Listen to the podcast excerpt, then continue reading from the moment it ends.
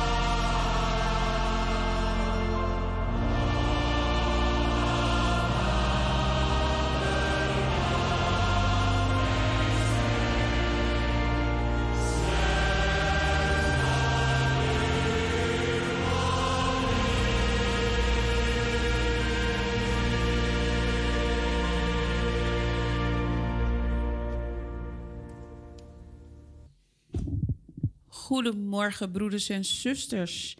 Van harte welkom bij de uitzending van Anitri FM. Het is zaterdag 24 maart. Het is de, eh, december, sorry. Het is de avond, de dag voor kerstfeest.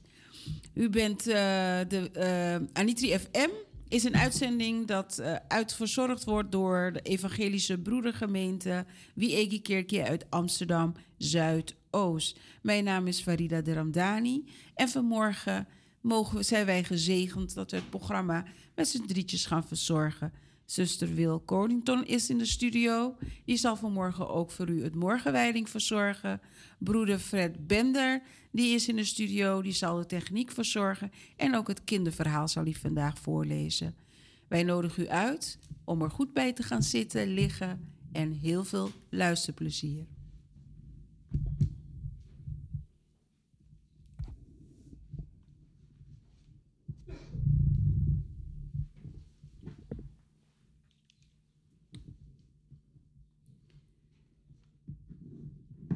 U krijgt zo wat muziek.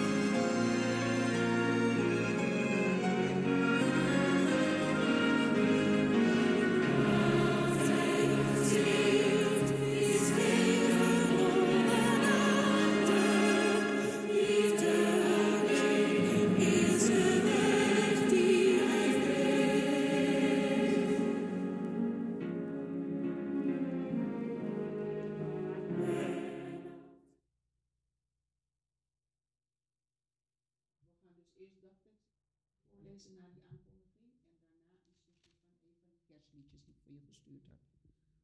Broeders en zusters, eh, nogmaals welkom in de uitzending van Anitri FM.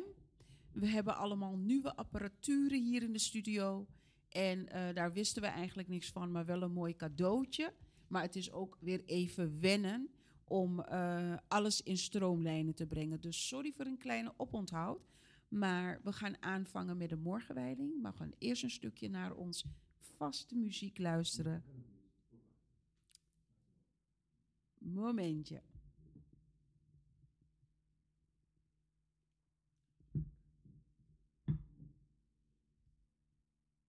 Zoals u merkt, wij doen onze best om dat uh, stukje van Wanyon de Broken af te spelen. En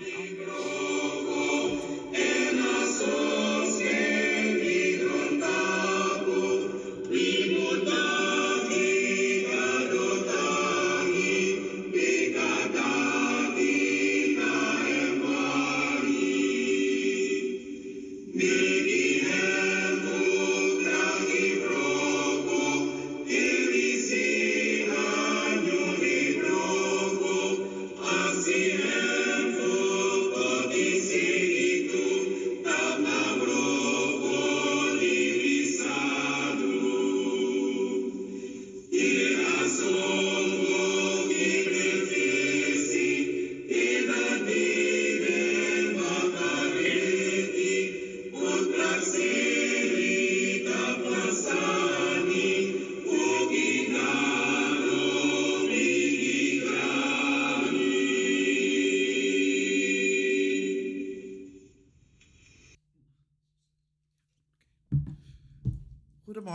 broeders en zusters, luisteraars van Anitri FM. Welkom bij deze ochtendwijding. Laten we de Heer danken dat wij in staat zijn om zijn naam groot te maken. Het is vandaag zaterdag 24 december en ik hou u de dagwoorden voor. Het is vannacht, vanavond is het kerstavond, kerstnacht. En bij kerstnacht, bij de dagtekst van vandaag, wordt Lucas 2, vers 10 en 11 aangehouden. Wees niet bevreesd, want zie, ik verkondig u grote blijdschap, die heel het volk zal ten deel vallen. U is heden de heiland geboren, namelijk Christus de Heere, in de stad van David. Het dagwoord van zaterdag vandaag is gehaald uit Zacharia 9, vers 10. Hij zal de volken vrede verkondigen. Leerwoord Lucas 2, vers 14. Ere zij God in de hoge en vrede op aarde bij mensen des welbehagens. Hij zal de volken vrede verkondigen. Ere zij God in de hoge en vrede op aarde bij mensen des welbehagens. Tot zover de dagwoorden van vandaag, zaterdag 24 december.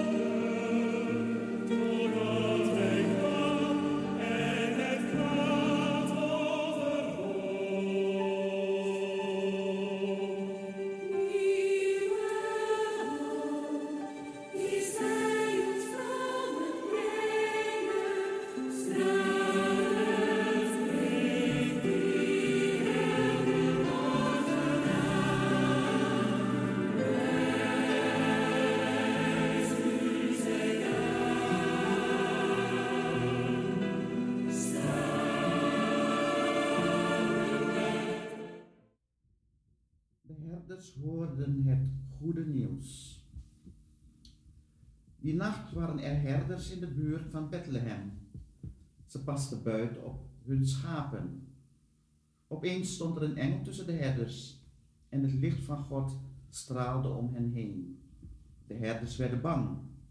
Maar de engel zei: Jullie hoeven niet bang te zijn, want ik breng jullie goed nieuws. Het hele volk zal daar blij mee zijn. Tot zover Lucas 2, vers 1 tot en met 4. Beste luisteraars, broeders en zusters, na lezing van de dagtekst krijgen we al een mooie boodschap mee deze ochtend. Toen is die boodschap uitgesproken. De herders hebben het aangehoord. En wij kunnen vanochtend stilstaan bij die prachtige duiding, boodschap. Wees niet bevreesd. Wees niet bang. Ik, en het gaat over de verkondiging van het goede nieuws. Het goede nieuws wordt in dit stuk besproken als de blijde boodschap. En heel het volk zal daar baat bij hebben. Dat betekent, alle mensen zullen daar vrede ontvangen. Alle mensen kunnen deze boodschap tot zich nemen. De dagtekst van vandaag gaat over de geboorte van de Heer, de avond daarvoor. En de vredeverkondiging wordt een aantal keren in de dagteksten benoemd. Vrede op aarde. En tot slot van de dagtekst is het belangrijk om ons te realiseren dat het bij het kerstfeest en de geboorte van Jezus gaat over eren. Wij eren God. Eren zij God in de hoge.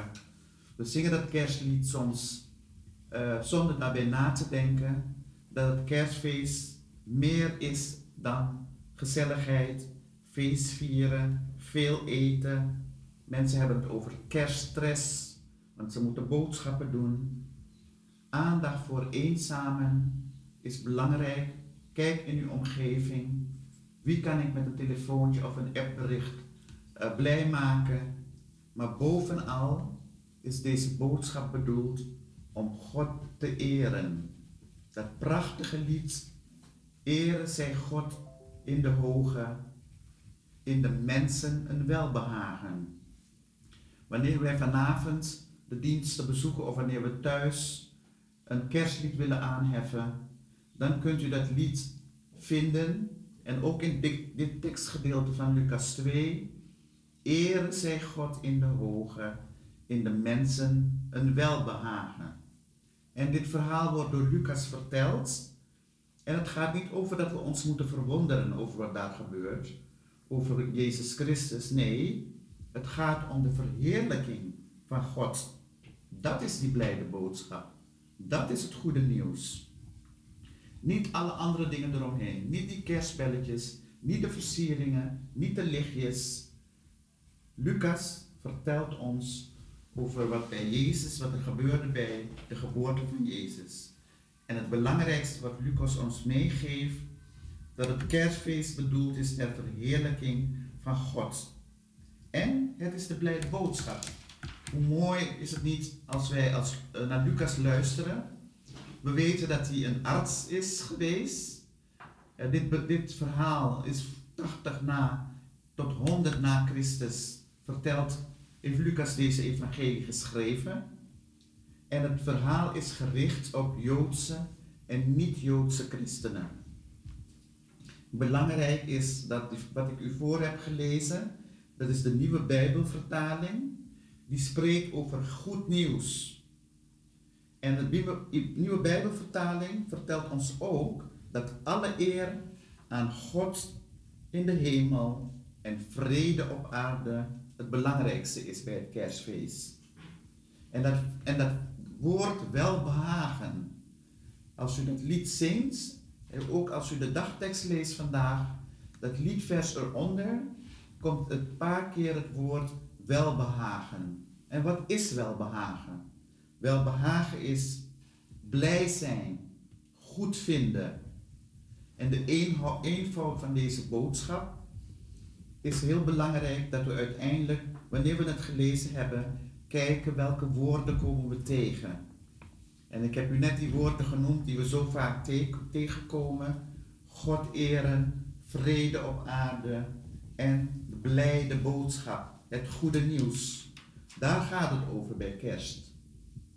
En de eenvoud van deze boodschap laat ons ook zien dat Jezus geen wieg had.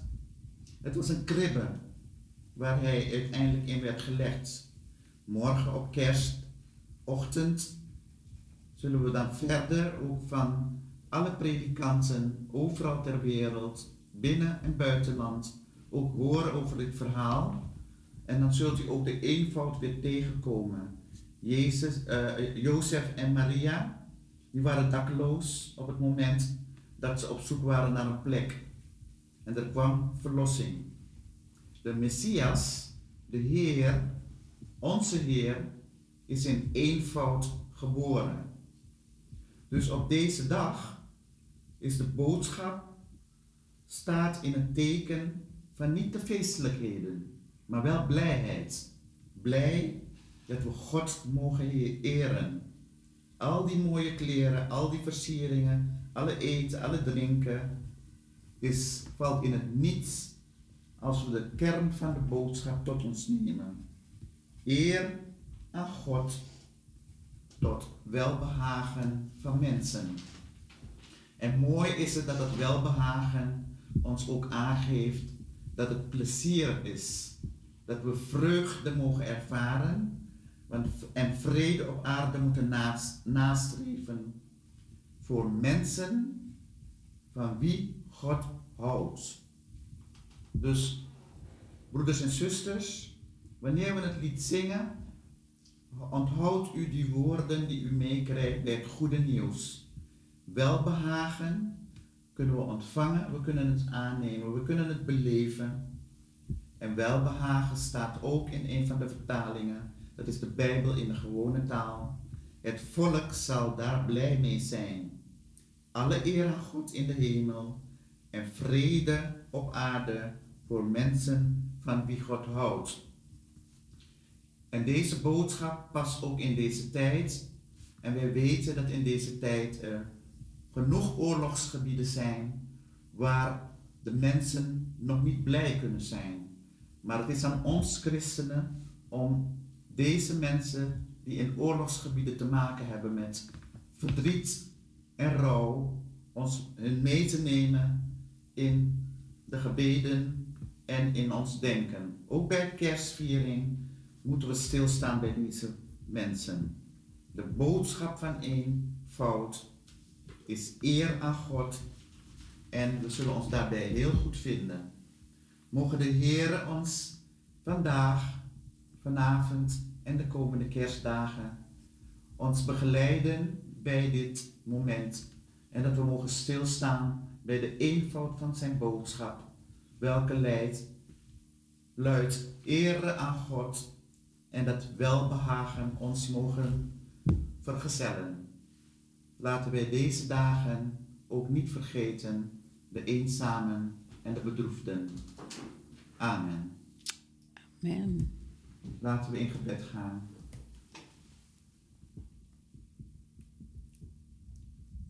Ja, vader, wij staan stil bij de mensen, uw kinderen, waar ook ter wereld, ook hier in Amsterdam, Zuidoost, in Suriname, waar allen bij elkaar zullen komen vanavond, dat we ook stilstaan bij een gebed voor de stervende mensen die afscheid van het leven nemen, omdat het de Heer ze naar huis heeft geroepen, de rouwenden, bedroefden. Heere, wilt u met uw schild om hen heen staan en ze sterken en dat ze op u mogen bouwen, Heer. En wilt u ons gebruiken om de mensen die het nodig hebben tot troost te zijn. Heren, voor degenen die weer herstellend zijn, hun gezondheid weer terug hebben, heren, doen beseffen, heren, dat het niet vanzelfsprekend is en dat we dankbaar mogen zijn als we weer herstellen nadat we met onze gezondheid wat problemen hebben ervaren of nog ervaren. En laten we deze blijde tijding die we vanochtend hier horen vanuit Lucas 2, met name aan de vooravond van de geboorte van Jezus Christus, de herdenking daarvan, laten we daarbij stilstaan bij die eenvoud van deze boodschap. En het welbehagen, het goed vinden en het prettig vinden van het horen van deze boodschap. Voor degenen die jarig zijn, deze week, de komende dagen, of jarig geweest zijn, wensen we een gelukkig nieuw, levensjaar toe. En ook dat is niet vanzelfsprekend. Heren, alle diensten in de kerken in Nederland, Suriname, de EBG-diensten die er ook zullen zijn, waar dan ook.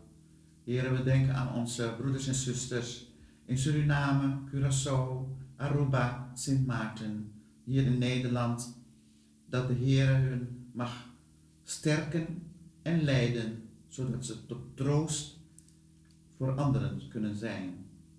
Heren, net zoals wij al voor de kwetsbaren in gebed gingen, willen we ook de overheid, het land, alle, alle mensen die ook luisteren naar deze uitzending, alle vrijwilligers van wie Eki Kerkie en andere kerken van de EBG, heren. Wanneer wij stilstaan bij deze mensen die veel opofferen, allemaal ter ere van u, heren, dat wij ze bij u mogen brengen, bij uw troon van genade. Allen die een bijdrage leveren, techniek, alles wat bijdraagt aan de vergroting van uw koninkrijk, u groot maken, dat we dat allemaal meenemen en weten dat wij niet zonder u kunnen, heren. Ere zij God in de hoge, in de mensen des welbehagen. Amen. Amen.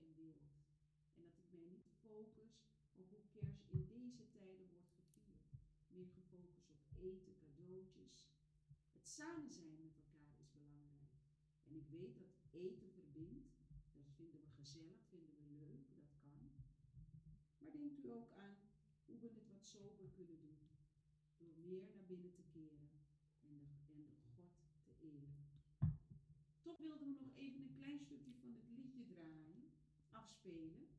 Ere zij God. Gaat het lukken, broeder? Ja. Ja? Want het is zo mooi aansluitend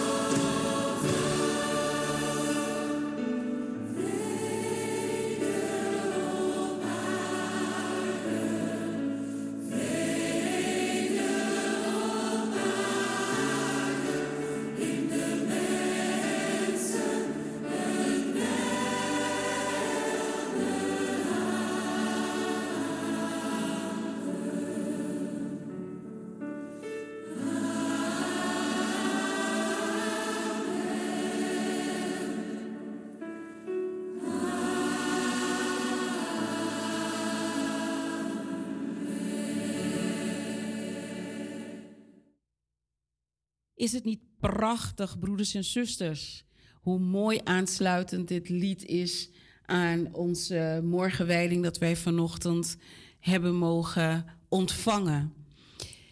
Wij gaan verder met ons programma. En op ons programma staat het actueel onderwerp. En het actueel onderwerp waar we het vanmorgen over gaan hebben is vertrouwenspersoon. Wat is een vertrouwenspersoon? Wat is de rol van een vertrouwenspersoon? En weet u wat zo mooi is, waar we mee gezegend zijn? Onze zuster Wil, die is ook werkzaam als vertrouwenspersoon. Die heeft er ervaring mee. Dus vanmorgen is zij een stukje uh, presentatrice, maar ze is ook onze gast. Ze is onze ervaringdeskundige hierin. Dus wij gaan met haar in gesprek over de rol van een vertrouwenspersoon. Als we aan een vertrouwenspersoon denken, waar denken we dan aan? Wat brengt het bij u op naar boven? En uh, wat, kunnen we, wat kan een vertrouwenspersoon voor u, voor mij betekenen? En voor vele andere mensen. Je zuster Wil, het is zo mooi. Ik ben zo dankbaar, want ik liep al een hele tijd. Ik wil graag over dit onderwerp praten. En ik weet dat ik uh, toen u kennis met u had gemaakt, dat u, dat u vertelde dat u ook dus als vertrouwenspersoon werkte. En ik denk, wat werkt onze Heer toch ontzettend mooi. Want die sluit gewoon aan aan alles wat ik eigenlijk een beetje op mijn hart krijg. Kom ik altijd weer iemand tegen die daar op een of andere manier ook mee verbonden is. En waar ik dus dan de kennisoverdracht ook kan krijgen van degene en uh, de wijsheden eruit kan halen. Maar, maar ook weer een handreiking kan geven van je kan dit proberen of je kan dat proberen. En vandaag zitten we hier aan tafel in de studio met u. Dus we gaan het gesprek met u vormen. Vertelt u eens, zuster Wil, wat, wat als wij aan vertrouwenspersoon denken, wat moeten wij daar aan, wat moeten, wat moeten wij denken? Ja, um, het is eigenlijk um, makkelijk als u zich voorstelt dat overal waar mensen zijn, of het nou op het werk is, of het nou in de kerk is, of het nou op school is, um, mediabedrijven, arbeidsomstandigheden, u hoort me al die woorden noemen, overal waar mensen zijn, kan er sprake zijn van ongewenste omgangsvormen. Dus u hoort me niet zeggen over seksueel overdracht en, en, en, en overschrijdend gedrag en dat soort zaken, waar u tegenwoordig veel over hoort in de media. Maar als uh, veel mensen bij elkaar zijn, samenwerken, op school, arbeidsomstandigheden, kan het zijn dat de omgangsvormen niet duidelijk zijn. En uh, als er sprake is van ongewenste omgangsvormen, dan komt de rol van de vertrouwenspersoon in beeld. Voorbeeld voor de kerk. De, de predikant, de dominee, heeft één keer per week spreekuur. Of misschien uh, wat vaker. We hebben ook zusters en broeders die mensen thuis bezoeken, huisbezoek doen. Ja. We hebben uh, dominee die bijvoorbeeld een dienst houdt in een bejaarde of een verzorgingshuis uh, voor senioren burgers. We werken op kantoor of in de gezondheidszorg. En in mijn rol als arbo-deskundige, ik ben arbo-adviseur geweest, okay. met een verpleegkundige achtergrond, ja. deed ik huisbezoeken aan mensen die niet kunnen werken, ziek thuis zijn. Ja. Uh, ik ben ook gevangenispastor. Nou, als je in de gevangenis komt en je bezoekt iemand, dan komt wat de dominee doet op zijn spreekuur bij mij in de gevangenis bij iemand ook een gesprek op gang. Dus overal waar de mensen komen, kan er, kan er sprake zijn van een onveilige situatie. En wat bedoel ik met onveilig? Uh, ik neem die kleine Surinaamse gemeenschap van ons als voorbeeld. Je vertelt iets aan iemand, ja. soms zeer vertrouwelijk, en over een paar weken hoor je jouw verhaal, wat je verteld hebt, weer terug. Ja, dan, dit voorbeeld geeft aan, dan kan er geen sprake zijn van uh, vertrouwelijkheid, maar het is ook onveilig, want je hebt je hart geopend voor iemand, je hebt iets verteld wat zo kwetsbaar is, wat je zo moeilijk vond en je verhaal wordt doorverteld. Dat is ongewenst gedrag. Dus niet iedereen kan vertrouwenspersoon zijn. Uh, want je moet kunnen omgaan met de geheimen, met moeilijke dingen die je van mensen te horen krijgt. Je moet integer zijn. Dus je moet integer kunnen handelen. En daar waar de strafbare feiten zijn, iemand vertelt je iets waarvan je denkt, ik kan dit niet voor mezelf houden, moet je als persoon, vertrouwenspersoon dus, de persoon wijzen op het feit dat er gemeld moet worden. Dus je hebt als vertrouwenspersoon ook een meldingsplicht. Maar dat bespreek je met die persoon. Ja. Daar waar justitie en politie in beeld komt, laat je het los, want dat is niet jouw verhaal. Een vertrouwenspersoon moet begeleiden. Dus dat is belangrijk. Je moet begeleiden, dus je krijgt de melding. Je moet begeleiden. En degene die bij jou uh, vertelt is de melder. Als het ernstig is, is die persoon die het vertelt, een kan een slachtoffer zijn. En er zijn daders. Ja. Mensen die iets hebben gepleegd. Uh, dus om, in te gaan op uw vraag, voor de luisteraars om het duidelijk te maken, is ongewenste omgangsvormen, die moeten gemeld worden. En dan moet de organisatie die daarbij betrokken is ook weten wat er zich afspeelt in de kerk, op school, op je werk, uh, als het gaat om ongewenst gedrag. U vroeg mij ook, wat is de taak van een vertrouwenspersoon? Dat wordt heel vaak vergeten. Ja. Het luisterend oor. Meer doe je niet. Een vertrouwenspersoon is een, uh, moet, een luisterend oor hebben. En die moet oplossingsgericht, dus naar oplossingen zoeken, samen met de persoon die iets meldt. Dus een vertrouwenspersoon moet ook wel een beetje geschoold zijn. Mhm. Ze hebben trainingen, je hebt coachingstrainingen. Ik heb zelf ook een training en ook coachingscyclus uh, uh, doorgemaakt van een jaar, waarbij je geleerd wordt hoe je daarmee moet omgaan. En een vertrouwenspersoon biedt de eerste opvang. Kortom, het is een hele belangrijke persoon in de organisatie, binnen de kerk en daarbuiten, die een luisterend oor heeft voor iemand die met iets zit wat dwars zit, wat pijn gedaan heeft, uh, dat ongewenst is geweest en je hebt het niet kunnen bepraten, bespreken, omdat je niet altijd iemand in je omgeving hebt die je kan vertrouwen. Ja. En wanneer u de woorden hoort, uh, hoe veilig is het op je werk, dan gaat het over dit soort zaken. Is er sprake van ongewenst gedrag? En wij moeten onze jonge mensen leren, dat doen ze in Suriname, uh, op catechisatielessen, bij de Bijbelstudie en bidstond, bij de zondagschool. Allerlei mensen die dus anderen begeleiden, leren om te signaleren of iemand ergens mee zit. En dat kan je alleen maar door goed te observeren en te luisteren. En met luisteren bedoel ik, iemand vertelt je soms iets, maar je moet soms ook leren luisteren naar wat die persoon je niet vertelt. Dus je moet ook naar lichaamstaal. Kijk hoe iemand zich gedraagt. En een, belangrijk voorbeeld is de school. Leerkrachten en schooldirecteuren kunnen eigenlijk een belangrijke bijdrage leveren als het gaat om of er sprake is van ongewenst gedrag of grensoverschrijdend gedrag, dat moeilijke woord, uh, niet integer handelen. Wanneer je getraind bent om dat soort dingen te signaleren, signaleren, dan kan je de persoon die bij jou een melding doet, beter opvangen en begeleiden. Dus zo moet u de rol van de vertrouwenspersoon zien. Uh, Suriname schenkt veel aandacht als het gaat aan de scholing en vorming van leerkrachten, schoolleiders, schooldirecteuren over dit thema. Oh, dat is heel mooi. Dat, ja. uh, de, dat wist de, ik niet. De Stichting Evangelische Broedergemeente van de Scholen, schoolbesturen, Ja. die hebben dit in hun curriculum voor de leerkrachten die op de scholen werken om te leren signaleren. Ja. Uh, als kinderen met hun gedrag die ze vertonen uh, signalen afgeven dat Ja. er iets niet goed is thuis, Ja. om ook dit signaal, dit signaal mee te nemen, Ja.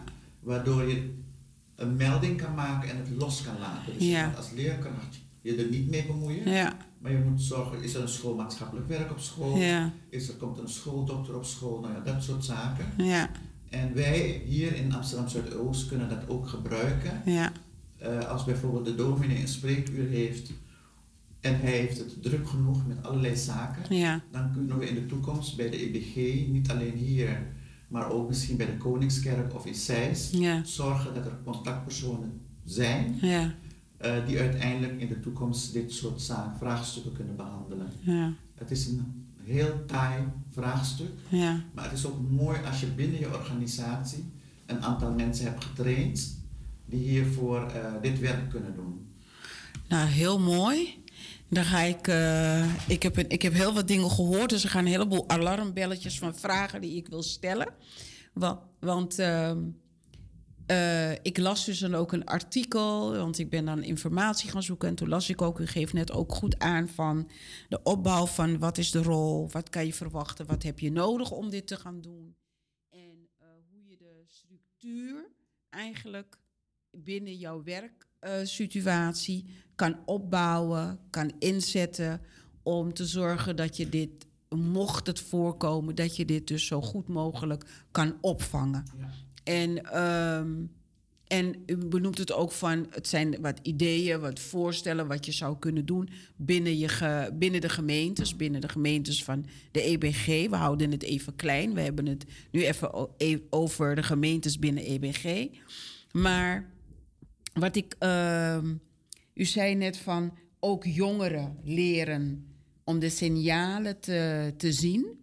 En eh, zodat ze dat eh, eh, eigenlijk dit ook weer terug kunnen geven naar een vertrouwenspersoon of de predikant of wie daar speciaal voor is aangewezen. En eh, in Suriname schijnen ze dus dan hier dus al een beetje mee te werken. Maar zijn het dan jongeren die bijvoorbeeld al met eh, de kinderen van de zondagschool werken? Of zijn het gewoon jongeren die daar binnenkomen en die bij elkaar ook een beetje.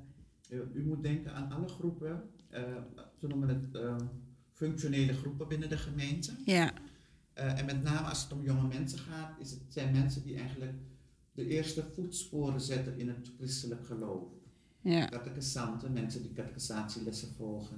ja, Jonge mensen die bij de zondagschool de begeleiding doen. ja, Eh, en de scholen. Dus als u die, die drie bij elkaar neemt, is het belangrijk om mensen die met jongeren werken, met kinderen werken, eh, bewust te maken. Dus je gaat ze niet al vertellen dat ze erop moeten letten. Ja. Bewust te maken dat het gedrag van iemand aanleiding kan zijn dat de persoon in aanraking is geweest met eh, ja, ongewenst gedrag. Ja. Maar netjes te ja, zeggen. ja, En dan leer je ze signaleren en ook verwijzen. Ja. Verder hoeven ze niet alles te weten. nee, Maar als ze merken dat eh, zo'n een jongeman op de zondagschool een be- bepaalde belangstelling houdt voor jonge kinderen, ja, dan moet, moet je die meneer niet gaan beschuldigen of verdenken. nee, Je moet bewust zijn van het feit dat de jongeren op je school springen, op je schoot zitten, Ja. springen, met je Ja. spelen.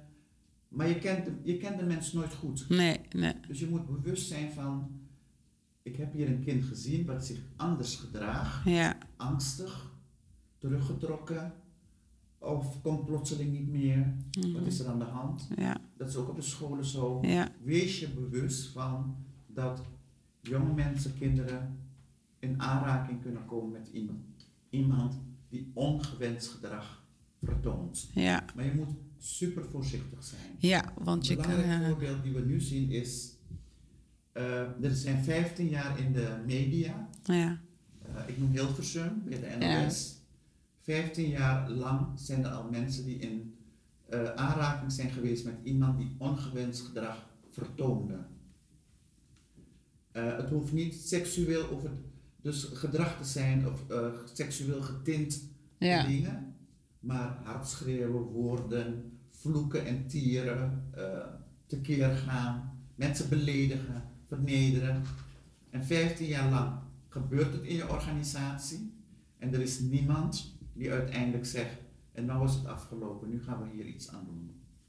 Dus ik noem dit voorbeeld voor u omdat het nu speelt. als er in de organisatie het bekend was, dan als je ergens mee zit, dan kun je naar die en die. Ja, En die persoon moet niet in je organisatie zitten. nee. Het moet een onafhankelijke persoon zijn van buiten. Ja, ja. Want als er iemand in je organisatie is, dan komt niet alles naar boven. Mhm, mhm. Want mensen verdienen hun brood daar. Ja, Die willen hun werk niet kwijt. Je wil je hypotheek of je huur kunnen- willen betalen eind van de maand. Dus mensen zijn voorzichtig. Een vertrouwenspersoon, die moet je eigenlijk buiten je organisatie hebben. Als er binnen de kerk iets gebeurt, of de predikant heeft een vermoeden tijdens een spreekuur, dat dit neigt naar onveilige situaties, naar gedrag wat niet hoort, dan kan hij met die persoon afspreken. Ik ga je naar iemand sturen waar je uiteindelijk je verhaal kan vertellen. En dan moet het niet iemand zijn die die persoon ook elke week weer in de kerk ziet. heel mooi. Iemand zijn buiten, dat noemen we zo een onafhankelijke. Gelukkig. Dus een, een vertrouwenspersoon moet eigenlijk een onafhankelijke persoon zijn. En dat is heel belangrijk, omdat die persoon jou gaat begeleiden, Ja. oplossingen zoeken, zodat je door kan. We komen hier straks op terug. Daar heb ik ook weer een vraag over. Ehm, wat dacht u ervan, broeders en zussen? Vooravond, voormiddag, voor de kerstdag. Dan gaan wij u verwennen met een mooi kerstlied. Had je door dat jouw baby Ja, ik, ik lees er veel over. Er was eh, vorige week.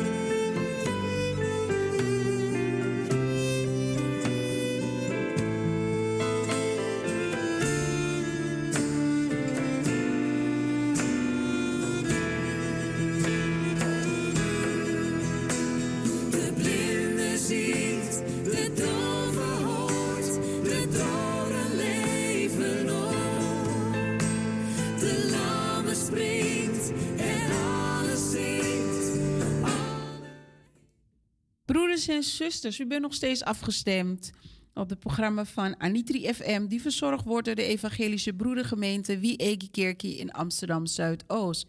Mijn naam is Farida de Ramdani.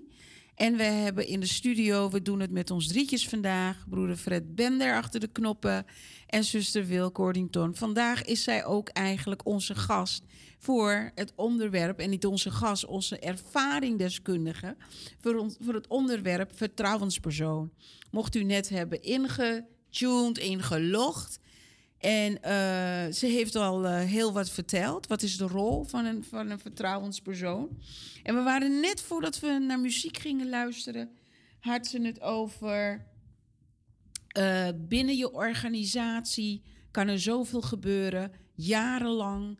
Kijkt u wat we de afgelopen maanden hebben gehoord, wat in de media gebeurt. Je voelt je niet gehoord, je kan bij niemand wat kwijt, je bent angstig. Maar vooral wat belangrijk is, dat de organisatie een vertrouwenspersoon van buitenaf eigenlijk binnen moet halen. Niet iemand die daar al is. Dat is om meer die veiligheid, wat je wil bieden, om dat nog meer vast te houden en nog beter te kunnen zorgen voor je medewerkers. Dus zuster Wil, als je dus dan, u vertelde net, je merkt situaties die gebeuren en uh, hoe je dat gedrag kan herkennen. Ik werk zelf als een jeugdwerker binnen de, de, de EBG en ik ben verantwoordelijk voor het kinderkamp, dat ik samen dus dan met een ander team doe. En uh, dit zijn dus dan ook onderwerpen waar wij ook een beetje over praten van wat is een grens voor ons? Wat, wat is goed en wat is niet goed? Weet je, of wat we zeggen van, nou ja, niet goed is een groot woord, maar waar zeggen we van, hé, hey, hier letten we op. Kinderen die heel aanhankelijk kunnen zijn, graag op schoot komen zitten. Weet je, tegenwoordig zeggen wij ook vanuit het pedagogische wereld, het moet niet te gek worden. Want het is of we allemaal hokjes vormen waar een persoon in moet passen dat we niet meer normaal met elkaar om kunnen gaan en normaal met elkaar kunnen zijn. Hoe gezond is zo'n relatie? Maar ik vind wel mooi dat u aangeeft hoe belangrijk het is om die signalen te leren kennen, zodat je een veiligheid, zowel voor jezelf die met zo'n groep werkt, met zo'n doelgroep werkt, maar ook voor degene die in de doelgroep zit en um, die misschien in aanraking is gekomen met een situatie thuis of op school of bij een familielid of misschien zelf in de kerk. Ja, het kan. Overal waar er veel mensen zijn, ja. gebeuren dit soort zaken. Ja. Als het om de kerk gaat, uh, ben ik ook inderdaad bezig om samen met een andere uh, predikant te kijken, wat kunnen we ontwikkelen? Uh, wat kunnen we aan het provinciaal bestuur of de kerkbesturen voorleggen als het gaat om integriteitsbeleid, omgangsvormen, hoe ga je ermee om? En hoe de meldingen die je ontvangt uh, zo verwerkt kunnen worden dat degene die meldt zich gehoord voelt, maar ook geholpen wordt. En uh, als, je gaat, als je de Bijbel leest, kan het niet zo zijn dat je uh, vanuit de Bijbel niet aangegeven krijgt dat onze mensen, onze kinderen, zich als ze bij ons zijn, zich veilig moeten voelen. En dan heb ik het niet alleen maar over de vrouwen, maar ik heb het ook over de jongens. Jongens en meisjes, mannen en vrouwen kunnen te maken krijgen met een onveilige situatie, ook binnen de kerk. En het is prachtig als uiteindelijk we goed kunnen luisteren. Het is prachtig als we goed kunnen luisteren uh, en ook kunnen weten welke weg moet ik wandelen voordat we gaan oordelen of veroordelen. Ja. Dus dat is een heel belangrijk punt. En het aanknopingspunt hiervan is, er zijn altijd twee of drie mensen binnen de kerkgemeenschap die uh, ja, hier voelhorens voor hebben, die goed kunnen luisteren, die goed kunnen omgaan met uh, jonge mensen, die ook goed kunnen omgaan met wat ze zien en horen en die goed kunnen omgaan met vertrouwelijkheid. Vertrouwelijke informatie, dat is een belangrijk iets. Als, je niet, als mensen niet het gevoel hebben dat ze je kunnen vertrouwen, dan gaan ze je ook niet alles vertellen. Dus integriteitsbeleid binnen de kerk is een hele belangrijke. Hoe gaan we met elkaar om? Want weet u, als er machtsverhoudingen zijn, uh, de een heeft een hogere functie, de ander is uitvoerend, de ander is bestuur, dan weet je dat je niet zo makkelijk met wat je bezighoudt of wat je hebt gesignaleerd, ga je niet zo makkelijk naar de andere toe. En daarom was ik blij toen u net noemde kampen. Ik heb het meteen nog opgeschreven. Op vakantiekampen, zondagschool is het belangrijk dat die observatie van mensen die met jonge mensen omgaan, dat ze weten van ik zie angst bij iemand, ik zie iemand trekt zich terug. Soms komt iemand naar je toe en die zegt ik wil je vertellen, ik zit ergens mee. Dat je hem doorvraagt en erop terugkomt. En degene die dat met dat signaal komt, het gevoel geven van oh, ik kan bij die andere terecht. Zorgen dat er geen mensen in de buurt zijn als iemand iets aan je wil vertellen waarvan je denkt, waarschijnlijk is dit gevoelige informatie of vertrouwelijk.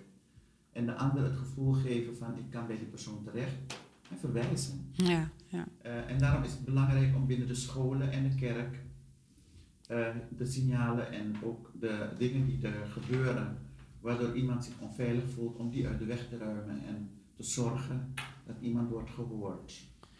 In de gevangenis is het zo, misschien is dat een praktisch voorbeeld. Bij het bezoek aan gevangenen heb je eerste keren dat je op bezoek komt, eh, en zeker bij lang veroordeelden, dat je niet alles meteen te horen krijgt. Dat, dat, er ontstaat een vertrouwen, vertrouwensrelatie in de loop van de tijd. ja. Na een half jaar durft iemand je meer te vertellen Mhm. over de thuissituatie van vroeger. Wat hem overkomen is, hoe die in deze situatie terechtgekomen is. Je gaat niet altijd mee in die verhalen. Wat je doet is luisteren. En als je merkt, dit is iemand die meer begeleiding nodig zal hebben, dan kijk je wat voor begeleiding. Soms is het sociaal-maatschappelijk, soms is een psycholoog nodig. Maar soms moet iemand met een familielid praten. Ja, En dat je dan zorgt dat het contact tot stand komt en dat de persoon uiteindelijk geheeld wordt, hersteld wordt. Dat je denkt, ik heb het uitgesproken. Soms geef ik een gevangene mee van, ga het, ga het opschrijven. Hou je van schrijven, schrijf het op. Leg het weg. Of zal ik vragen of degene waar je het nu over hebt een keer met je praat. Wil je een keer met je moeder praten? Misschien wil je met je moeder dit delen. Eh, u weet, jonge vrouwen, het kan zijn dat je relatie stuk loopt. Het Ja. kan zijn dat je uit elkaar gaat. Je leert een nieuwe partner kennen. Van, tegen vrouwen en mannen zeg ik altijd, wees voorzichtig. Ook al ben je nog zo verliefd, je weet niet wie je binnenhaalt. ja, Je hebt jonge meisjes in huis, je hebt jonge kinderen in huis. Je kent elkaar nog niet zo goed. Wees voorzichtig wie je naar binnen haalt. Waarom? Wanneer je elkaar beter kent en vertrouwt, dan kun je je kinderen en andere familieleden ook toevertrouwen aan zo iemand. Maar als je het nog niet weet, je kent elkaar pas, je weet niet wat de achtergronden van iemand zijn, dan moet je heel voorzichtig zijn. ja, En dit soort voorbeelden vertel ik om aan te geven dat wij heel vaak onze kinderen in kwetsbare posities laten terechtkomen. ja. En dan moet je zorgen dat ze bij iemand terecht kunnen, oom of tante of bij de juf op school, eh, zodat ze uiteindelijk datgene wat ze bezighoudt ook kwijt kunnen raken. En we moeten niet vergeten dat het bij jongens en bij meisjes gebeurt. Ik vind het heel goed dat u dat ook zo benoemt bij jongens en meisjes. Want we zijn gauw geneigd om ons alleen maar te focussen op de meisjes. Maar kinderen zijn kinderen. Ja, En ehm, het gevaar kan zijn op dit vlak ook voor de jongens. Zeer zeker voor de ja, jongens. zeker.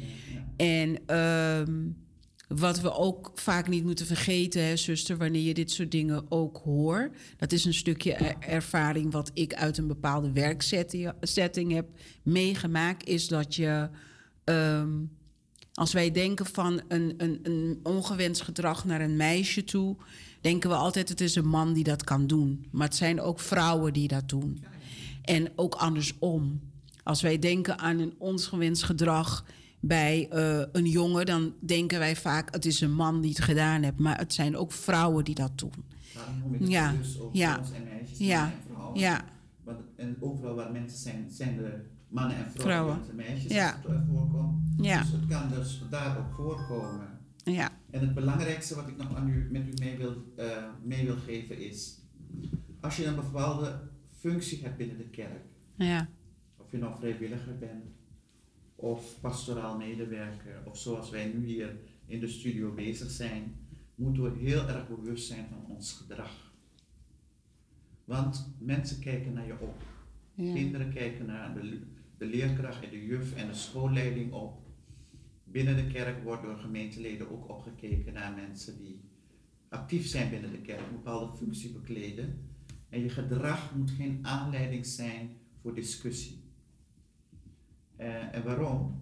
Want als dat zo is, dan durft iemand makkelijk naar je toe te stappen en iets te vertellen wat vertrouwelijk is of wat ze boeit. Als dat niet zo is, als je gedrag er niet naar is, dan ga je, gaat niemand naar je toe komen. En dan ga je ook signalen missen. Hè? Ja. Eh, Want je bent gewoon met jezelf bezig. Ja, Het is Gods werk, het is Ja. jouw werk. ja, En als ons gedrag ook zodanig is, ja. dan durft de andere makkelijk naar ons toe stappen. Juist, ja. Dat, ja, dat is, ik ben het helemaal met u eens. Dat is een stukje ervaring dat ik zelf ook heb. Ik krijg wel eens vaak te horen dat ik zo best wel gereserveerd ben. En, soms, eh, eh, ja, het meeste wat ik te horen krijg, je doet altijd zo bescheiden. Want als ik ergens binnenkom, ben ik altijd iemand die een beetje aan de kant zit. eh, of aan de zijkanten of achterin. En ik, ik ben een observator. Ik kijk graag wat er om me heen gebeurt. En, ehm, maar dan wordt mij ook vaak geweten van... je bent niet in de kerk, je bent niet in je functie. Hè? We zijn nu gewoon... En dan eh, probeer ik mensen erop te attenderen van... ongeacht waar je bent... Ik, ik ben mezelf zoals hoe ik ben. En het heeft niet direct te maken met van... oh, omdat ik voor een kerk werk... of omdat ik zelf eh, actief ben in een kerk. Dat heeft er niet mee te maken. Ik ben hoe ik ben. En het heeft misschien wel een beetje een invloed erop... omdat... ehm, net als wat u zegt, het vertrouwensband wat mensen met je hebben. Mensen delen soms dingen met je ongewild. Je vraagt er niet om, maar een luisterend oor. Als je dat kan bieden aan iemand, je weet niet hoe belangrijk dat kan zijn. En eh, ik vind het heel mooi dat u dat aankaart van hoe belangrijk je gedrag is. Dat we soms onbewust eh, een bepaalde gedrag vertonen om spontaan iets te zeggen wat een ander misschien iets tegen ons heeft gezegd in een grappende wijze Ja, of wat dan ook. Maar dan heb je eigenlijk heb je het al, heb je het al verprutst. Want niemand wil dan meer. Die denkt van, oh wacht, bij die moet ik niet wezen. Want die, die, die, die vertelt mijn verhaal gewoon zo door als ik bij degene kom. Al is het een grappende ja, term. Ja, Nee. dus je moet ontzettend, je moet eigenlijk heel bewust zijn van eh, de rol die je bekleedt, maar ook jezelf zijn. Ja, En wanneer je jezelf bent en je bent in staat om te luisteren, aandacht voor mensen hebt, geïnteresseerd bent, dan komen mensen uiteindelijk wel met hun verhaal. Ik vind het voorbeeld wat ik u vertelde over het eh, spreekuur. ja, Eh, we heb- ik heb ook gemerkt dat als je een spreekuur hebt telefonisch met iemand, van Ja. ik bel u, ik heb een tijdje niet in de kerk gezien, hoe gaat het met je? Of op een bijeenkomst waar je regelmatig aanwezig was, bijbelstudie, bidstond, ja, waarom kom je niet meer?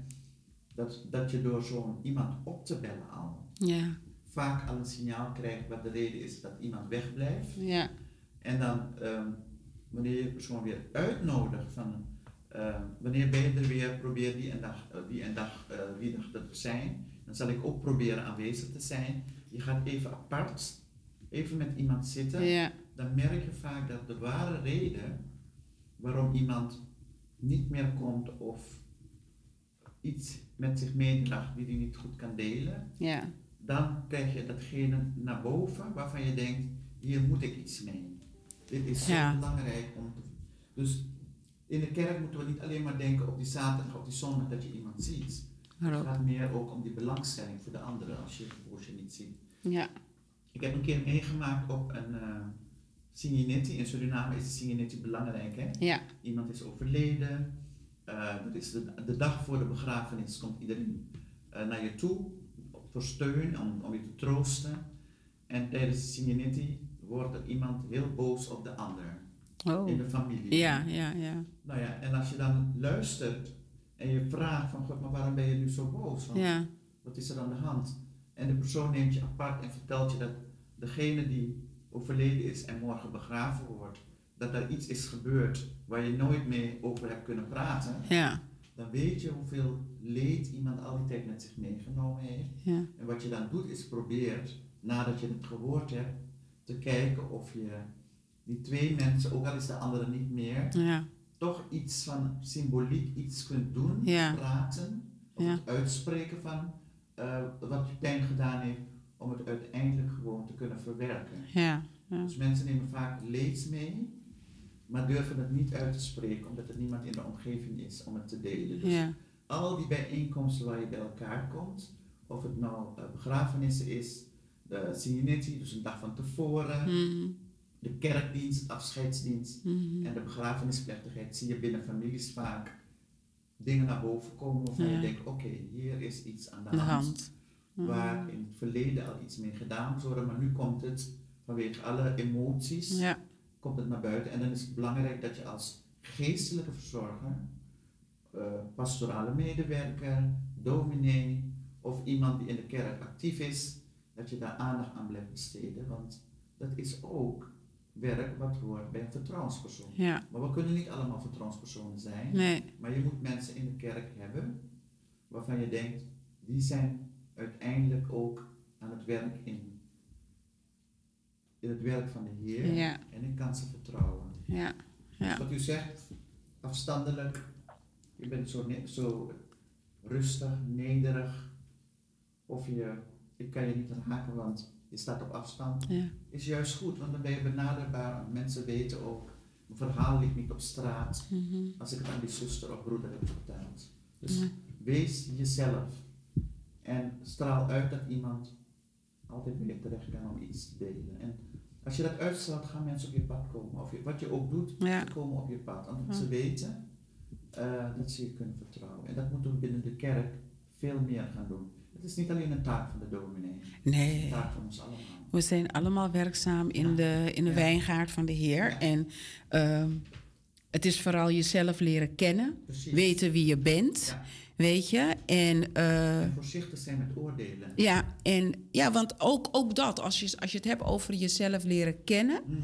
Dan, en, en weten wie je bent als persoon. Weten wat voor soort karakter je hebt. En weet welke stukje van jouw karakter heel heersend is. Ja. Dan kan je daaraan gaan werken. ja, precies. Je kan Precies. leg het in gebed, Ja. want er zal iemand op je pad komen die je, waar je mee over kan praten, die je kan helpen, je aansturen, hoe je dit kan, ehm, kan veilen. Want een karakter kan je nooit geheel uit iemand trekken. Nee, Maar je kan het veilen, ik noem het altijd polijzen, Ja, ja, zodat ja, je wel de glans ziet. Want ieder karakter heeft wel iets moois. Maar soms zie je dat niet. Dus en, en daar kan je dan leren mee om te gaan, zodat je dan je werk, waar je ook bent, binnen de kerk, we hebben het nu over de kerk, dat je ook binnen de kerk eh, je kan stralen. Weet je, dat je geraakt kan worden van die straling wat de Heer in jou zendt, die straal je naar anderen toe en die trek je naar je toe. Dat vind ik een hele mooie. We hebben zoveel waar we over willen praten, broeders en zusters thuis. Maar we moeten ook een beetje op de tijd letten. We zijn een paar minuutjes later begonnen dat we gepland hadden. En we hebben een heel mooi kinderblok voor de kinderen, gezien het kinderkersfeest. En daar willen we ook even een beetje tijd voor nemen, maar ook voor de andere programma's. Ehm, dus we gaan dit een beetje afronden, zuster Wil. Ik vond het heel mooi. Ik wil graag uit de uitzending nog eens een keer met u verder hierover praten. Want ik ben er enorm in geïnteresseerd. Vooral wanneer het ook gaat om vertrouwenspersoon binnen het kinderwerk. Daar vind Ja. ik ontzettend in geïnteresseerd. En, ehm, maar voor deze ben, wil ik u bedanken. Broers en zusters, ik heb bewust niet gevraagd... wilt u een vraag stellen, wilt u bellen naar de studio? Want omdat het, eh, de- dat ze bezig zijn met nieuwe apparaturen... kunnen we vandaag even niet gebruik maken van de telefoon. Als u zou bellen, kunt u niet in de uitzending geplaatst worden. Dan zouden wij uw eh, vraag moeten aanhoren en het moeten delen. Dus onze verontschuldigingen daarvoor. Volgende week hopen we dat het allemaal weer goed in orde is. Dus vandaar dat u vandaag geen oproep krijgt voor om te bellen naar de studio. Wij gaan naar een stukje muziek en dan eh, komen we straks bij u terug.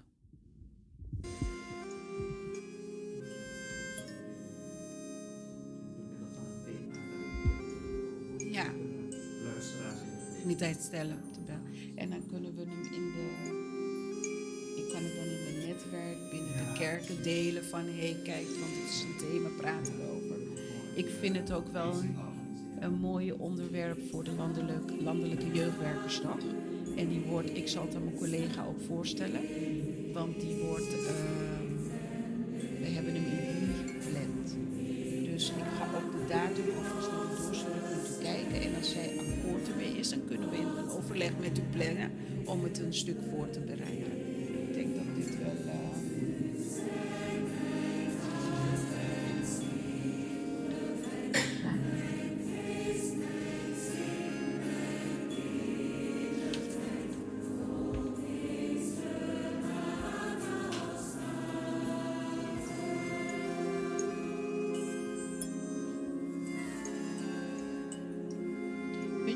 Misverlegd.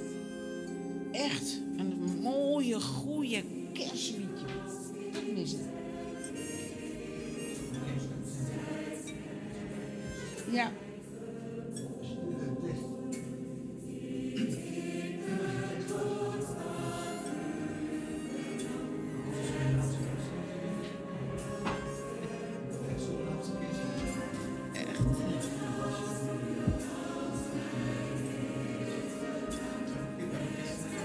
Ik heb ze, ik heb ze gisteren naar je toegestuurd, hè?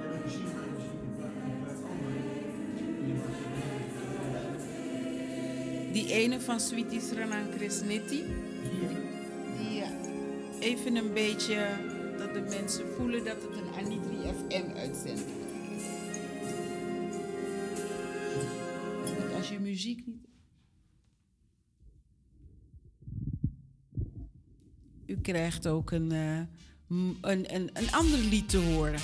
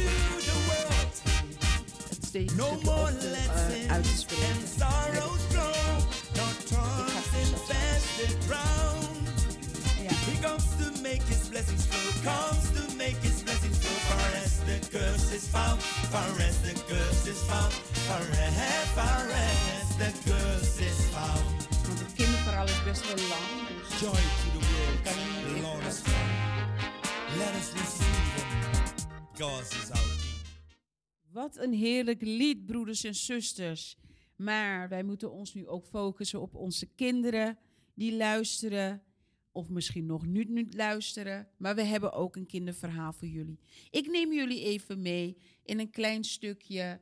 Het lied dat we vorige keer ook in de keer ervoor ook hebben gedraaid. Komt als een kind in onze nacht. Kan je daar een stukje van afdraaien? Die heb je niet? Oké.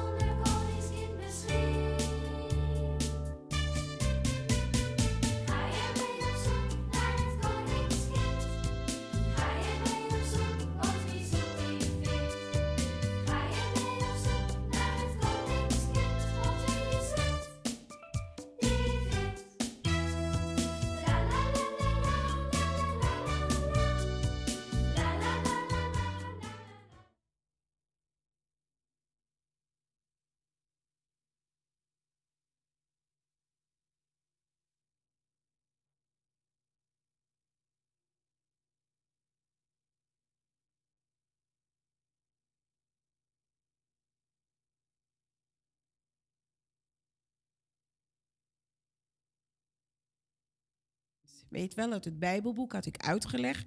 Je hebt het eerste gedeelte, dat zijn de oude verhalen, dat noemen ze de Oude Testament. En dan heb je het tweede gedeelte van de Bijbel, dat is het Nieuwe Testament en dat zijn de nieuwe verhalen. Want het is het verhaal waar Jezus is geboren.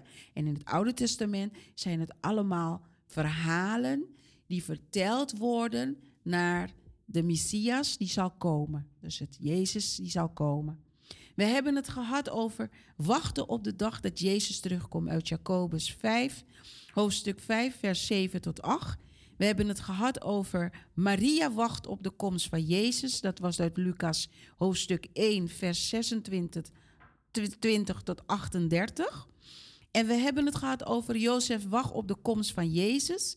Dat was uit Matthäus hoofdstuk 1, vers 18 tot 24. En we hebben het gehad over Simon en Hanna wachten op de komst van Jezus.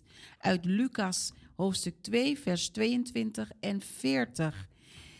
En vandaag hebben we het over de wijze mannen verwachten de nieuwe koning uit Matthäus hoofdstuk 2, vers 1 tot 12. Nou, de afgelopen week is het dus advent geweest en vandaag is dan morgen is dus dan eigenlijk de laatste blok van deze vijf tekstenverhalen van advent naar kerst. Weet je?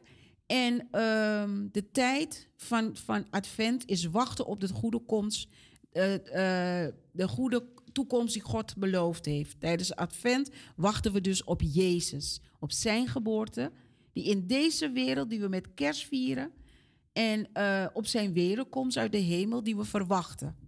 En vandaag hebben we het dus over Matthäus uit hoofdstuk 2, vers 1 tot 12. En daar hebben we het over de wijze mannen die uit een ver land zoeken naar de nieuwe koning, de pasgeboren koning van de Joden. En ze volgen zijn ster en ze vinden. Denk je dat ze hem vinden? Ik zou zeggen, dan gaan we er zo naar luisteren. De tekst is: Niet lang na de geboorte van Jezus kwamen er wijze mannen in Jeruzalem aan. Ze vroegen: Waar is de koning van de Joden die kort geleden geboren is? Wij hebben zijn ster gezien. Niet lang na de geboorte van Jezus kwamen er wijze mannen in Jeruzalem aan. Ze vroegen: Waar is de koning van de Joden die kort geleden geboren is? Wij hebben zijn ster gezien. Nou, ik wens je eigenlijk een kort gebedje toe en dan gaan we beginnen met het verhaaltje. Trouwe God, eindelijk de adventstijd is geweest. Het is kerst. Morgen is het kerst. We vieren morgen de geboorte van Jezus, de redder van de wereld. Hij komt bij ons als een baby en lag in een voerbak. Het wachten is voorbij. God heeft gedaan wat hij al heel lang had beloofd. En toch blijven wij nog steeds wachten. Op de dag dat deze redder weer naar ons toe komt. Niet in een voerbak, maar op de wolken. Wilt u ons niet al te lang laten wachten? In Jezus' naam, amen. Broeder Fred? Ja, goedemorgen luisteraars aan deze frequentie. Dit is Fred Bende achter de microfoon van Anitri FM. Ik eh, mag voor u het kerstverhaal lezen. Wijze mannen verwachten de nieuwe koning. Moet je nou zien, Omiet wijst naar de hemel. In de zwarte avondlucht staan duizenden en duizenden sterren. Omiet en zijn vrienden zijn wijze mannen. Ze weten heel veel over de sterren. Ze kijken elke nacht daarnaar. Ze hebben de sterren namen gegeven. Ze weten precies welke ster er waar aan de hemel staat. En ze weten hoe de sterren in de loop van de nacht langzaam opschuiven. Maar vannacht is er iets vreemds aan de hand. Het lijkt wel of er iets veranderd is aan de hemel. Alsof er een nieuwe ster bij is gekomen. Een ster die er eerder nog niet was. Omiet vriend Azad ziet het ook meteen. Wat vreemd, zegt hij. Zoiets heb ik nog nooit gezien. We moeten de anderen erbij roepen. Zo'n ster, dat betekent iets, zegt een van de andere wijze mannen. Ik denk dat er een koning geboren is. Een heel belangrijke koning. Omid knikt. Ik denk het ook, zegt hij. We moeten erheen gaan. We moeten hem cadeaus geven. Want zo'n belangrijke koning, dat maak je maar één keer in je leven mee. Goed plan, zegt Azad. Maar waar woont die koning? Dat weten we natuurlijk niet. De ster staat die kant op, zegt Omid. Dus laten we die kant maar opgaan.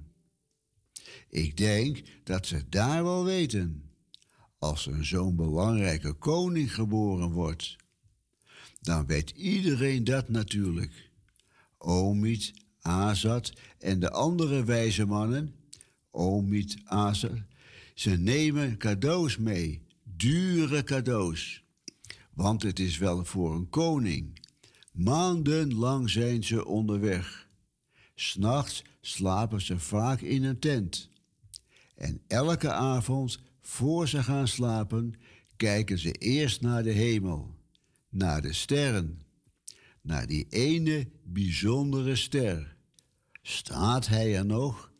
Ja hoor, daar is hij, de ster van de koning. De reis duurt lang en ze kunnen bijna niet wachten tot ze de koning kunnen ontmoeten. Maar waar zou hij wonen? Ik denk dat ik het weet, zegt Azad op een avond. In Israël. De ster wijst ons de weg naar Israël. Dan moeten we naar Jeruzalem gaan, zegt Omid. Ik heb gehoord dat daar een paleis staat. Daar zal de koning wel wonen, toch? In een paleis. Dat denk ik ook, zegt Azad. Eindelijk zijn Omid, Azad en hun vrienden in Jeruzalem. Waar is de koning van de Joden? vragen ze aan de mensen op de straat. De koning die pas geboren is, wij hebben zijn ster gezien en willen hem graag cadeaus geven. De mensen op straat schrikken. Een koning die pas geboren is, daar weten ze helemaal niks van. Ze kennen maar één koning, Herodes. Die is de baas in Israël. En Herodes is helemaal geen aardige man. Hij is zelfs heel erg gemeen. Als hij iets hoort over een andere koning, wordt hij vast boos. En dat is ook zo. Herodes is woedend. Hij laat meteen belangrijke priesters komen. Wat krijgen we nou, zegt de koning Herodes tegen de priesters. Hoezo denken die mannen die hier een nieuwe koning geboren is? Staat daar soms iets over in die oude boeken van jullie? Dat er een koning geboren is? Ja, zeggen de priesters. Er staat in onze heilige boeken dat er op een dag een koning geboren wordt. Een koning die heel goed voor alle mensen zal zorgen. Net zo goed als een herder voor zijn schapen zorgt. Ah, zegt de koning Herodes. Hij tikt met zijn wijsvinger tegen zijn kin. Er staat er dan ook waar die koning wordt geboren. In Bethlehem, zeggen de priesters. Koning Herodes bedenkt een gemeen plan. Hij laat Omid en zijn vrienden bij zich komen. Hij vertelt niet hoe boos hij is. Hij doet juist heel aardig tegen de wijze mannen. Jullie moeten naar Bethlehem gaan, zegt hij. Daar woont die nieuwe koning. Kunnen jullie daarna weer even bij mijn paleis langskomen om te vertellen waar het precies is? Want dan kan ik er ook naartoe. Dat wil ik graag. Ik heb ook een cadeau voor hem. Dat is goed, zegt Omid. Dank u wel, majesteit. Heel vriendelijk van u. Omid en zijn vrienden gaan snel op weg. Ze hebben zo lang moeten wachten. Maar nu kunnen ze eindelijk op bezoek bij de kleine koning. Het is al donker als ze in Bethlehem aankomen. En dan opeens wijst Azad naar de lucht. Naar een ster die daar hoog boven een huis in de hemel staat. Kijk nou, zegt hij, de ster, roept Omid blij. Het klopt, we moeten hier zijn, hier moet de koning wonen. Een van hun vrienden krabt aan zijn kin. In dat kleine huisje, zegt hij. Dat moet wel, zegt Azad. Het lijkt wel of de ster dat huis aanwijst. Ik denk echt dat we hier moeten zijn. Omiet klopt aan de deur bij het huisje. Jozef doet open. Hij draagt een jongetje op zijn arm. Een klein jongetje. Goedenavond, zegt hij verbaasd. Kom binnen, zegt een vrouw. Dat is Maria, de moeder van het jongetje. Omiet, Azad en zijn vrienden gaan het kleine huisje binnen. Ze buigen diep voor Maria en voor de kleine Jezus. Ze geven hem dure cadeaus: goud, wierook en een bijzondere olie die heel lekker ruikt. En gaan ze daarna terug naar de koning Herodes? Nee, gelukkig niet. Want de koning Herodes wil de kleine Jezus geen cadeaus geven. Hij wil hem kwaad doen.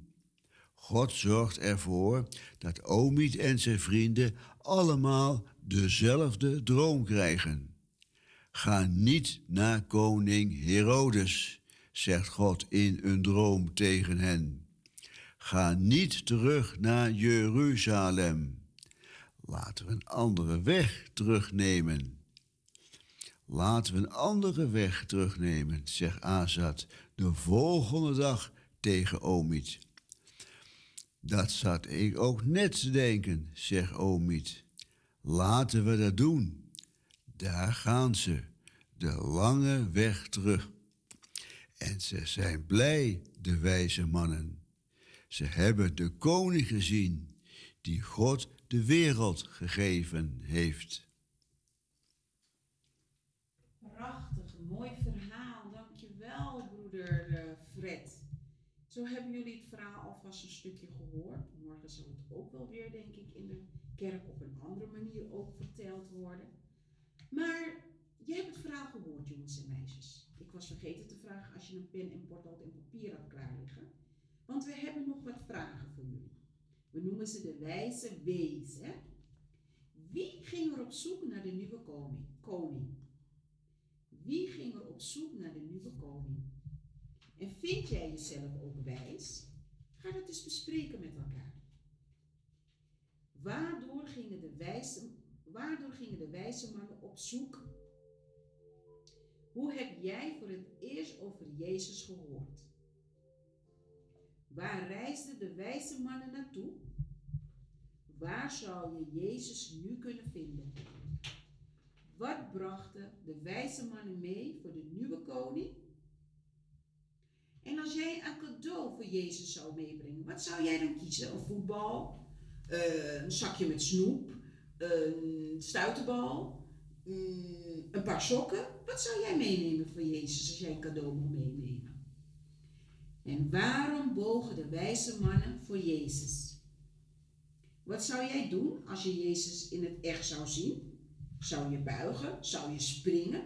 Zou je denken een voorbij lopen? Probeer met elkaar daarover te praten. En probeer daar een antwoord ook op te vinden. Ik hoop dat jullie van het verhaal genoten hebben. Voordat we zo meteen afsluiten met een lied, gaan we eerst ook nog eens afsluiten met de zegen voor jullie. Weet je wel? In de Bijbel, in het verhaal van Numeri, dat staat dus in het oude gedeelte van de Bijbel, hoofdstuk 6, vers 24 en 25 staat er een zegen voor alle mensen. En dat is een wens die vaak aan het einde van de kerkdienst, eigenlijk bijna altijd, waar ik in de kerk kom tenminste, wordt het uitgesproken. En die zegenwens gaan wij niet voor jullie doen met onze handen omhoog, want wij zijn geen dominees. Maar je mag wel de handen vasthouden met wie je bent op dat moment. Ben je alleen? Dan ga je je handjes vouwen net alsof je in gebed bent. En de zegenwens, die gaan wij hier ook tegen elkaar zeggen. Maar zuster Wil, die gaat hem met jullie delen. Die zegenwens verlangt van jullie en van ons dat we stil zijn en ontvang de zegenwens. De Heer zal jullie gelukkig maken en jullie beschermen. De Heer zal bij jullie zijn en voor jullie zorgen. De Heer zal aan jullie denken en jullie vrede geven. Amen. Amen. Dan gaan wij jullie kinderblok afsluiten met een liedje. Wachten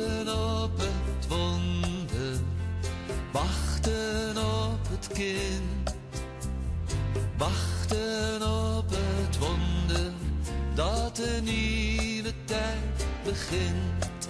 Immanuel, Immanuel, God zal met ons zijn.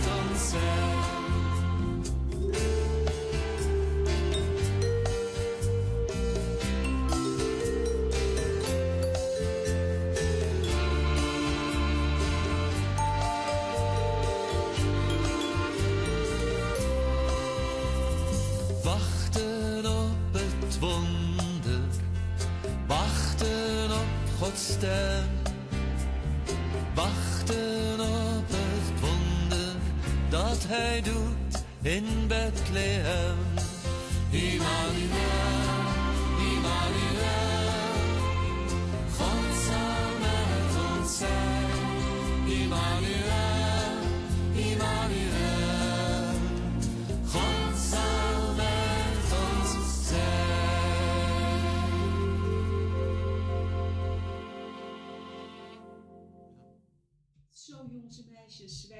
jullie ook zo erg van het verhaal hebben genoten, zoals uw zuster Wil en ik zo aandachtig zaten te luisteren. Nogmaals, dankjewel broeder Fred. Wij wensen jullie een fijne dag, een mooie voorbereiding naar het kerstfeest. En vooral niet te veel eten, maar ook heel goed nadenken. Waarom vieren wij kerst en waarom is kerst voor mij belangrijk? Ja? Wij gaan nu, dames en heren, u meenemen voor de aandacht voor onze zieke en bedroefde medebroeders en zusters die u misschien kent, iemand in uw eigen familie, in uw netwerk, vanuit de kerk. Mensen die wij misschien niet bij namen kennen, maar onze Heere Jezus wel bij namen kent. Laten wij dit moment van troost ook bij hun stilstaan. Wij delen eerst een stukje Troost met u. Ik doe.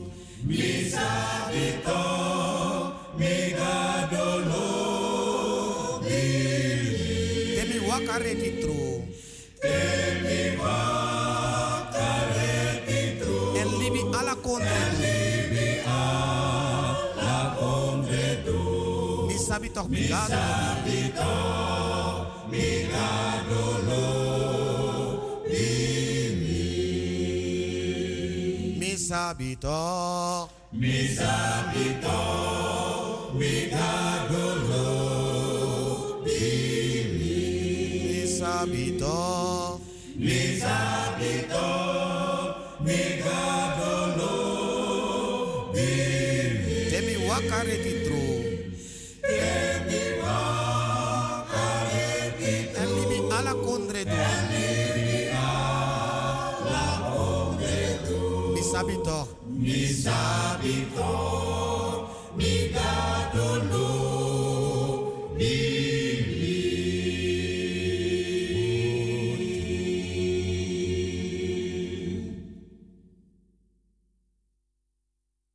team van Anitri FM wilt een ieder die in verdriet gedompeld is, omdat u misschien ziek bent of iemand in uw omgeving ziek is, heeft u iemand ter graven moeten brengen of nog moet brengen, dan vragen wij de Heer zijn kracht, zijn troost en zijn nabijheid om u bij te staan. Wij nemen u ons mee in onze gebeden en in onze gedachten. En met de woord van troost willen wij u bemoedigen. Gods liefde omringt mij. Het heengaan van een geliefde veroorzaakt ongekend verdriet. Een echtscheiding of het verlies van een baan kan mijn zelfvertrouwen hevig doen wankelen en mij een angstig en verpletterend gevoel geven. En toch is God er voor mij, te alle tijden en onder alle omstandigheden, zelfs in de moeilijkste momenten van mijn leven. Voel ik mij totaal alleen, dan is God er om mijn handelingen te leiden en mijn angsten te kalmeren. Voel ik me ongerust of bang, dan transformeert God die rust en angst in gevoelens van kalm vertrouwen. In Gods liefhebbende armen, omarming vind ik troost en rust. En met een tekst uit Jesaja, vers 9, hoofdstuk 49, vers 13, willen wij u een extra bemoediging geven. Want de Heere heeft zijn volk vertroost en hij zal zich over zijn ellendige ontfermen. Want de Heere heeft zijn volk vertroost en hij zal zich over zijn ellendigen ontfermen. Lieve broeders en zusters, mogen deze woorden van troost u een moment geven van en weten dat God altijd over u waakt. En dat het soms onbegrijpelijk is wat er gebeurt. De situatie waar u nu doorheen gaat. Dat u misschien een heleboel waarom vragen hebt. En ik begrijp dat. Want als mens willen we graag antwoord. Maar vertrouw u op de Heer. Hoort u zijn stem. En put uit zijn kracht. Dat is onze gebeden en wensen voor u allen. Die door ziekte, overlijden of door wat voor situatie in een bedroevige eh, eh, stemming zit. Mag de Heer u allebei staan. We gaan eh, zo door met de mededelingen. Zuster Wil heeft enkele mededelingen voor u. En eh, die zal het zo aan u, eh, aan u ook doorgeven. Ja, vanavond is kerstavond, zaterdag 24 december. Vanavond om 8 uur in Wiegi Kerkie gaat voor broeder Wil. Het is een Christnity-dienst en hij begint om 8 uur vanavond. Morgen, zondag 25 december, eerste kerstdag, om 11 uur gaat broeder Gil voor in de kerstdienst. Volgende week zaterdag, 31 december, Orujari-viering om 6 uur in de middag. Zaterdag dus 31 december, 6 uur in de middag, Orujari-viering in Weegi Kerkie. Op zondag 1 januari is er geen kerkdienst. Luisteraars, Wansui Krisneti en een gezegende kerstavond. Dank u wel, zuster. Dit waren onze. Ik zat even nog te kijken of ik nog andere mededelingen voor u had. Nee, dit waren onze mededelingen die wij vandaag met u gaan delen. En dan eh, hebben we tijd voor de felicitaties. Maar laten we dat eerst inluiden met een stukje gezellige verjaardagsmuziek. Weet u? En de mensen die misschien morgen jarig zijn, vandaag jarig zijn of tweede kerstdag jarig zijn, gezegend zij u.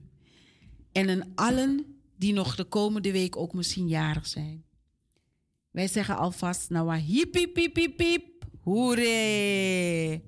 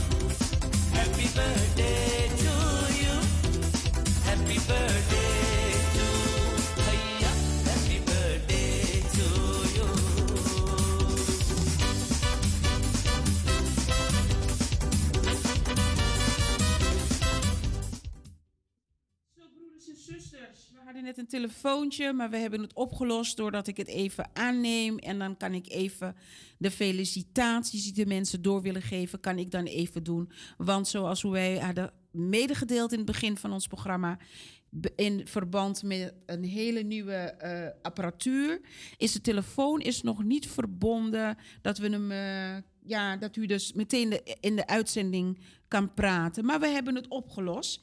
Maar namens het team van Anitri FM willen we de jarigen die de afgelopen week en misschien vandaag en morgen komend weekend jarig zijn, en eh, van harte feliciteren. Mevrouw Joken Schouwsberg, die gisteren jarig was, die wordt gefeliciteerd door Glione en eh, Roy. Mevrouw Glione die heeft net gebeld en eh, die wilde haar graag zelf feliciteren, maar dat lukte niet, dus we hebben het even zo gedaan. Mevrouw Schouwsberg, u wordt dus van harte gefeliciteerd door mevrouw Glione en meneer Roy. En Anitri FM wenst u van ja, een hele mooi jaar. Heel veel zegen, gezond bovenop. En wij hopen dat u een fijne verjaardag gisteren hebt gehad. Dan nou wij hiep, hiep, hiep, hiep, hiep. We gaan nog even u verrassen. Want dat waren eigenlijk de verjaardagsfelicitaties. Zelfs had ik er nu ook geen één. Oh jawel, ik heb er wel één. Morgen is mijn nichtje jarig, mijn jongere nicht, want we zijn volwassen vrouwen. Patricia Hoofdvliets, van harte gefeliciteerd met je verjaardag. Gods rijkste zegen. Jacinta, gefeliciteerd met je mama. En eh, mijn tante Merceline, gefeliciteerd met uw dochter. Oom Ernest, gefeliciteerd met uw eh, eh, dochter. Blessie, blessie en heel veel blessies voor jou, lieve schat. Wij gaan nu een beetje verwennen met nog een beetje muziek. En wij zullen niet precies 11 uur de lucht uitgaan, maar wij gaan ongeveer drie minuten voor 11 eruit. Zodat onze collega's die na ons komen precies 11 uur kunnen starten. Want anders loopt er iets mis met de verbinding. Dus schrikt u niet, maar wij draaien gewoon lekker muziek totdat hun het overnemen om 11 uur. Ehm, wij waren ontzettend blij vandaag dat wij dit voor u mochten doen, hè, zuster Wil? Ja. Mooi onderwerp. We hebben al eh, eigenlijk zitten brainstormen. Hoe kunnen we hier een vervolg aan geven? Anitri FM gaat mooie aftraps maken in het nieuwe jaar. Dat is de blessie en de vruchten. Nee, we mogen oosten naar best wel een, een pittig jaartje de afgelopen jaar. Om mensen bij elkaar te krijgen. Om het programma eh, ja, eigenlijk te presenteren, in elkaar te zetten. Maar we hebben het tot nu toe behaald. Volgende week krijgt u van ons nog één uitzending op Oudjaarsdag. En, eh, maar voor vandaag voelen we ons gezegend, verheugd en verblijd dat wij eh, het werk van de Heer zo met u mogen delen. En, eh, en dat u als luisteraars dus eigenlijk altijd luistert en klaarstaat. Wij hopen in het nieuwjaar dat u wat interactief met ons zal zijn door te bellen. Heeft u eh, onderwerpen dat u zegt: hey, dat zou ik een mooi thema vinden. En ehm, ik weet niet hoe ik dat moet doen, maar zou ik samen met jullie dat kunnen voorbereiden? Of zouden jullie dit kunnen voorbereiden en over kunnen praten? Neemt u contact met ons op met anitri.fm hotmail.com.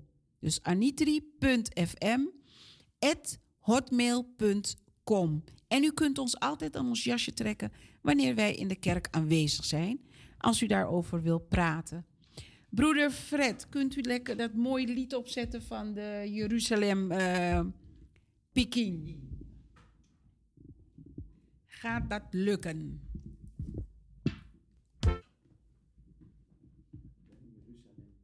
Oh ja, Dem Jeruzalem Peking.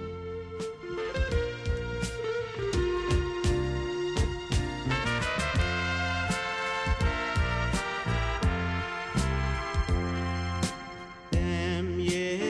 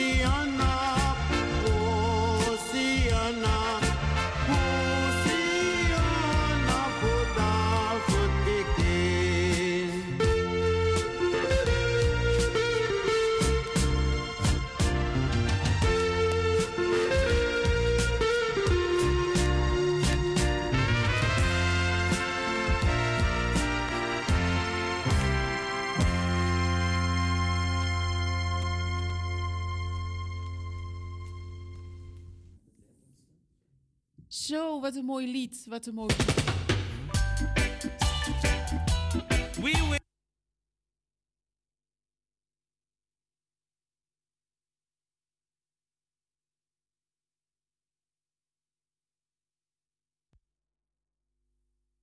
vandaag heel goed op de tijd gelet, zodat we het kunnen overlappen. Dat het niet overlapt met onze medewerkers. Er is een telefoontje. Broeder Fred zal dat even opnemen. Dan eh, kunnen we horen als het nog iets is voor het programma hier. En dan kunnen we dat nog misschien met u delen. Dus eh, wij willen gewoon ontzettend veel rekening houden, broeders en zusters, met onze collega's die daarna komen. Want eh, het is vervelend als zij willen beginnen en, ze, en dan kunnen ze geen doorgang krijgen met hun programma.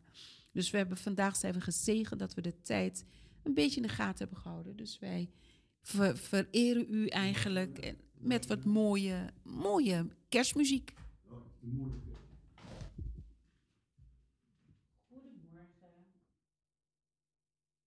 Wish you a Irie, Irie, Irie Christmas. Oh, here and New Year's are just the same. Christmas on a broke pocket day. We wish you a Irie Christmas. We wish you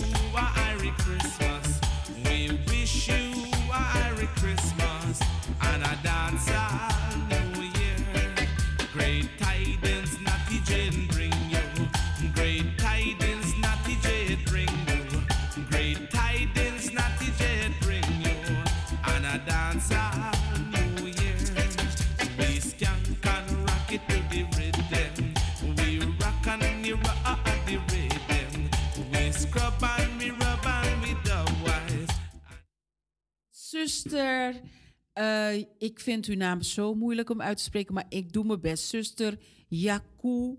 Wie? Het is de zuster die ook vaak in de in Wiegi Kerkie eh, komt kerken. En zij heeft gebeld om ons eh, te bedanken voor zo'n mooie uitzending. En dat ze altijd wel wat op eh pikt. Ik heb haar staan in mijn groepset als Ria Yukuhu. Ik weet niet of ik het goed uitspreek, maar neemt u me niet kwalijk, zuster, als het niet goed is geweest. Zij wilde ons bedanken, ook uw zuster wil, want ze zegt wat een mooi onderwerp. En zij zal eh 14 januari de uitzending verzorgen samen met zuster Letitia. Dus ze zegt, ik haal wat dingetjes uit alle uitzendingen om mezelf voor te bereiden. Heel veel blessings, zuster, en wij zijn er om u te ondersteunen. Dus maak u zich niet ongerust, het komt helemaal in orde. Wij gaan weer naar een stukje mooi kerstmuziek voor u.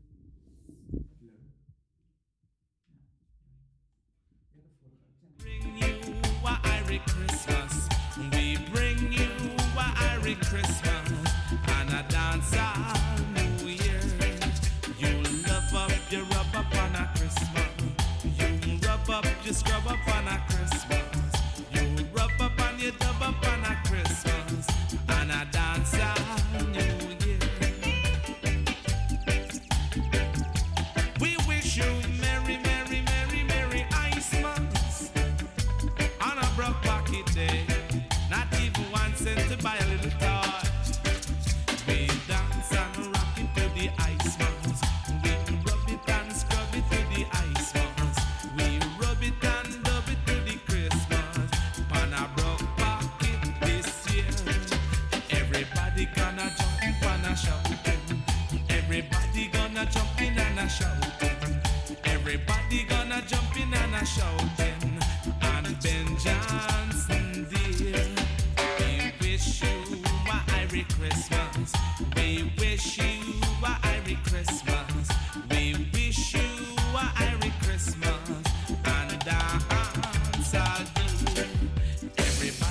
it down.